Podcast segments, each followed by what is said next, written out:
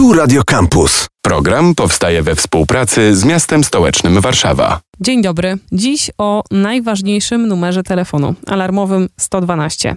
Odwiedzamy z mikrofonem Warszawskie Centrum Powiadamiania Ratunkowego i będziemy po kolei wyjaśniać, co się dzieje, jeśli, dajmy na to w Warszawie, ktoś wstukuje w ekran smartfona cyfry 112. Odpowiada Marek Cuper, operator z CPR Warszawa. Stacja Warszawa. Wtedy osoba łączy się do Centrum Powiadamiania Ratunkowego, niekoniecznie do Warszawy. Jeżeli jeden ośrodek jest obciążony, czyli w tym przypadku Warszawa, połączenie wtedy przełączy się automatycznie do innego ośrodka, gdzie operator będzie najdłużej oczekiwał w kolejce na odebranie zgłoszenia. Czy to ma nas uspokoić, czy niepokoić? Skoro dzwonimy z Warszawy, to pewnie taka znajomość warszawskiego terenu u operatora wydaje się pożądaną cechą.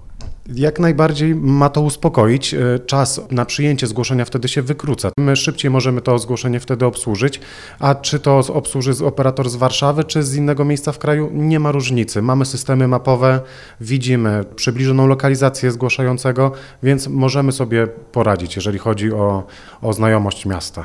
Dalej następuje zakwalifikowanie zgłoszenia jako zgłoszenie alarmowe lub niealarmowe. Zbieramy informacje dotyczące zgłoszenia.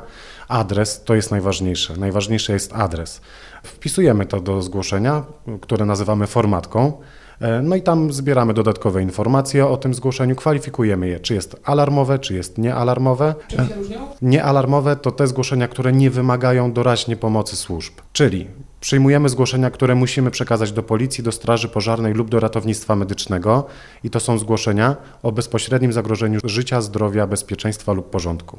Jeżeli nie ma tego bezpośredniego zagrożenia, informujemy osoby zgłaszające, co należy zrobić, i przekazujemy zgłoszenia do służb. No i potem wydaje mi się, że otwierają się takie trzy ścieżki, jaka to będzie służba, albo może więcej niż trzy. Ja pomyślałam o straży, pogotowiu i policji, ale co dalej? Tak, no my przekazujemy zgłoszenie do służb.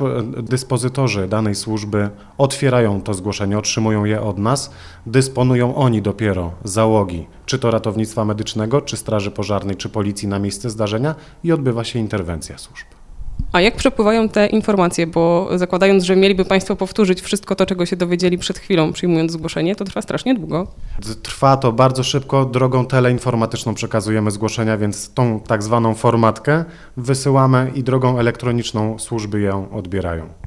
Czy to jest tylko taka praca prze przekazująca dalej informacje, bo znamy mnóstwo przykładów, kiedy to operatorzy na przykład udzielają instrukcji pierwszej pomocy.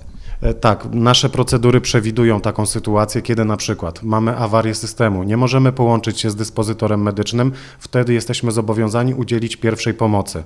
E, również musimy zostać z osobami na linii z osobami, które chcą popełnić samobójstwo, zgłaszają myśli samobójcze. Kiedy dzwoni do nas dziecko, zgłasza coś alarmowego, wtedy też z tym dzieckiem staramy się zostać na linii, żeby postarać się to dziecko uspokoić, żeby poinstruować, e, co może nam powiedzieć, co może zrobić, gdzie się może schować, gdzie może się czuć bezpiecznie. W takich przypadkach tak zostajemy na linii. A skąd to wiecie? No wiemy to, jesteśmy szkoleni, tak? Przechodzimy na początku, e, jak, jak się zatrudniamy, przechodzimy początkowe szkolenie dla operatorów numeru alarmowego. Każdy bez wyjątku musi to szkolenie przejść.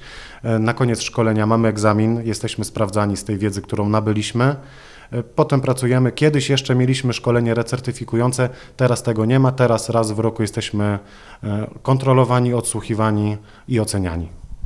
Czy są jakieś e, statystyki, z czym najczęściej e, dzwonią ludzie, w jakich najtrudniejszych i najczęstszych sytuacjach wykręcają 112? Tak, z życia operatora, wchodząc tutaj prosto z sali, najczęściej są to, wydawałoby się, dosyć błahe sprawy, jak kradzieże sklepowe, jak kolizje drogowe, wypadki drogowe, no to już może mniej błahe, no, no, ale tak, to, są, to jest taki nasz chleb, chleb powszedni, tak? Tego odbieramy najwięcej i to przekazujemy do służb. Oczywiście zdarzają się inne zgłoszenia, na których, że tak powiem, bardziej się czy musimy skupić, musimy w to więcej pracy włożyć, ale tak na co dzień najwięcej odbieramy właśnie tego typu zgłoszeń.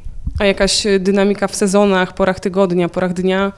No, pogoda mm, kluczową rolę odgrywa w naszej pracy. E, tak jak mamy dzisiaj dosyć spokojny, chłodny dzień, no to nie ma jakiegoś e, wielkiego natłoku tych zgłoszeń, ale oczywiście pory wakacyjne, pory ciepłe, wtedy jest tej pracy więcej. Wtedy noce są o wiele mniej spokojne. No teraz wiadomo, noc, mróz, jest spokojniej, ludzie raczej sobie siedzą w domu, ogrzewają się, tak, przy herbatce, pod kocykiem, ale niestety jak już ten cieplejszy okres się zaczyna, wiadomo, e, i młodzież, i osoby starsze lubią wtedy ten czas spędzać w plenerze, no i wtedy się w Warszawie dzieje. Ile telefonów odbiera operator podczas dyżuru? No jest to właśnie zależne od terminu, czy jest to noc weekendowa, czy jest to dzień weekendowy, jaki to jest dyżur. Jeżeli mówimy o dniówkach, Myślę, że mogę powiedzieć od 120, czyli spokojny taki dyżur, powiedzmy niedzielna dniówka, spokojna, jest wtedy spokój, każdy siedzi w domku. Jest to tak około, możemy powiedzieć 120-130 zgłoszeń, a jeżeli jest to taka na przykład dniówka w tygodniu, gdzie jeszcze pogoda się popsuje, zaczyna silny wiatr wiać, przewracają się znaki, drzewa, dzieją się wypadki, są złe warunki atmosferyczne na drogach, nawet 200 zgłoszeń potrafimy, nawet ponad 200 się zdarzało. W stacji Warszawa dzisiaj CPR, jak Centrum Powiadamiania Ratunkowego, czyli miejsce, w którym operatorzy i operatorki odbierają połączenie alarmowe wykonane pod numer 112. W Warszawie takie centrum mieści się przy ulicy Młynarskiej.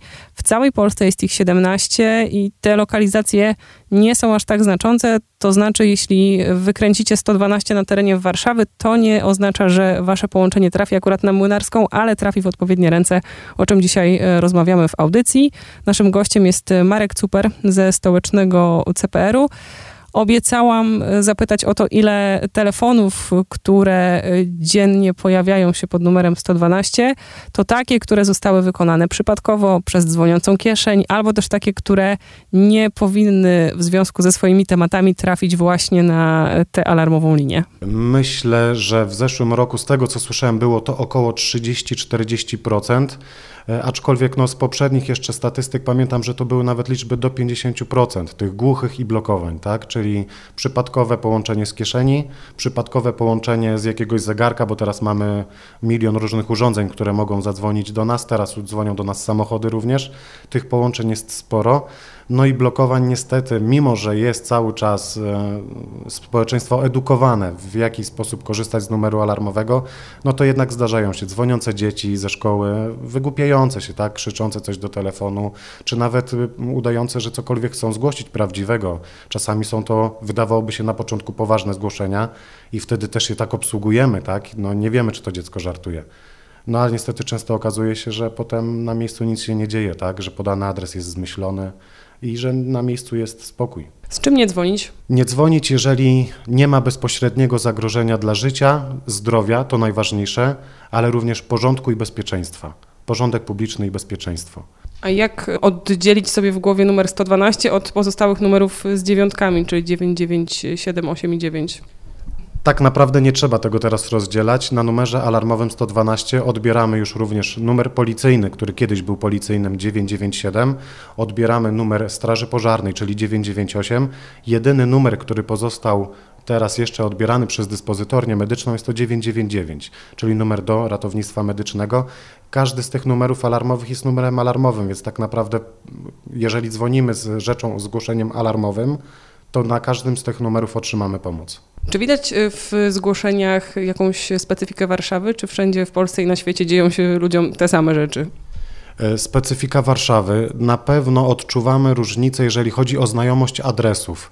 Kiedy dzwoni osoba z Warszawy, no jest to duże miasto, jest dosyć dobrze oznakowane, ludzie widzą tabliczki z adresami. Kiedy odbieramy często właśnie zgłoszenie, które spadnie z innego ośrodka, jest taki problem, że no to trzeci dom za stawem, e, za lasem i po prawej stronie od górki. A tutaj raczej mamy łatwość w ustalaniu adresów.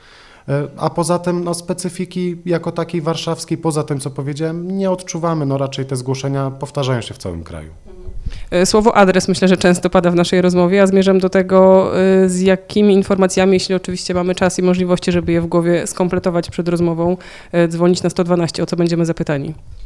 Tak, operator będzie w pierwszej kolejności pytał o adres, będzie potwierdzał gminę, powiat, województwo, nazwę miejscowości, nazwa ulicy, numer budynku, numer mieszkania, piętro, ewentualnie klatka schodowa, czy jakiś dostęp jest utrudniony do tego miejsca zdarzenia.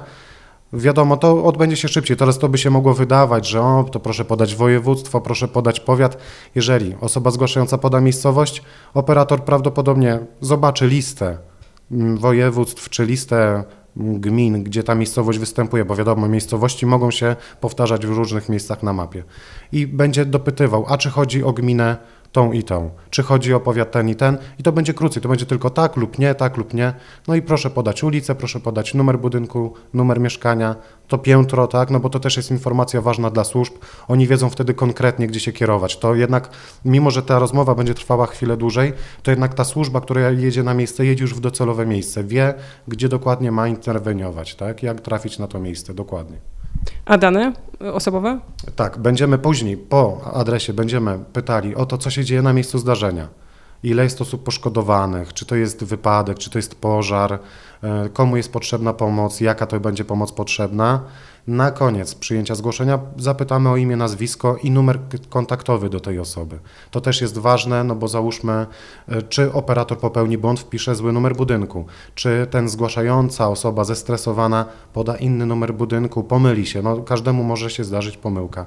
Wtedy służba musi mieć możliwość, czy my, czy służby muszą mieć możliwość odzwonienia do tej osoby i do pytania, tak? No dlatego też o ten numer będziemy pytali, mimo że go widzimy, czasem potrafi się wyświetlić numer z karty SIM, która nie jest zarejestrowana i on będzie, będzie ciąg przypadkowych liczb. Wydaje się to praca bardzo stresująca. Czy to napięcie, które jest po drugiej stronie, też się udziela operatorom? Na pewno się udziela. No, na, na pewno czuć, czuć czasem, e, słychać na sali nawet, że ktoś rozmawia, ktoś podniesie głos. No my też jesteśmy e, tylko ludźmi, tak? No naprawdę może się udzielić. Staramy się być jak najbardziej profesjonalni. Chcemy zawsze być spokojni, opanowani. Staramy się, wiadomo, no my też możemy przyjść gorzej się czując po prostu, czy to psychicznie, czy fizycznie. E, no wiadomo, nie będziemy tutaj na nic zwalali ale możemy być obciążeni, jesteśmy obciążeni. Zdarza się, że będziemy się gorzej czuli, ale oczywiście staramy się wykluczać te zachowania, staramy się zawsze pomóc i być profesjonalni. A czy mają Państwo też jakąś opiekę psychologiczną? Mamy opiekę psychologiczną. Akurat w tym momencie mamy wakat, jest poszukiwany nowy psycholog, ale jak najbardziej mamy zapewnioną opiekę psychologiczną. Jest w każdym CPR-ze psycholog zatrudniony na etat. U nas czekamy na psychologa, mamy nadzieję, że niedługo się taki pojawi. Y, gdzie jest satysfakcja w tej pracy? No satysfakcja myślę największa, no czytamy potem zgłoszenia o naszych zgłoszeniach na internecie, widzimy, że no udało się z pożaru kogoś uratować, że w, e, mieliśmy zgłoszenie o pożarze w mieszkaniu i czytamy, że udało się z tego mieszkania wyciągnąć y, żyjącą kobietę czy rodzinę. I no i myślę, że wtedy jest największa satysfakcja, że no kurczę, to moje zgłoszenie ale fajnie, udało się, nie? Nikt tam nie został ranny, nikt nie zginął. Czy czytamy o wypadkach, że tam były osoby ranne, ale że każdy przeżył, że to też jest dzięki szybkiej reakcji, tak? Szybkiemu przyjęciu zgłoszenia, dobremu zakwalifikowaniu, przekazaniu do służb. No myślę, że to jest największa nagroda w tej pracy. Mówił Marek Cuper z Warszawskiego Centrum Powiadamiania Ratunkowego. 11 lutego, czyli 112 w kalendarzu obchodzony jest Dzień Europejskiego Numeru Alarmowego. Te kilka dni później to dobra okazja, żeby przypomnieć, że 112 działa na terenie całej Unii Europejskiej. Kasia Wojtasik, dziękuję, do usłyszenia. Program powstaje we współpracy z miastem stołecznym Warszawa. Tu Radio Campus.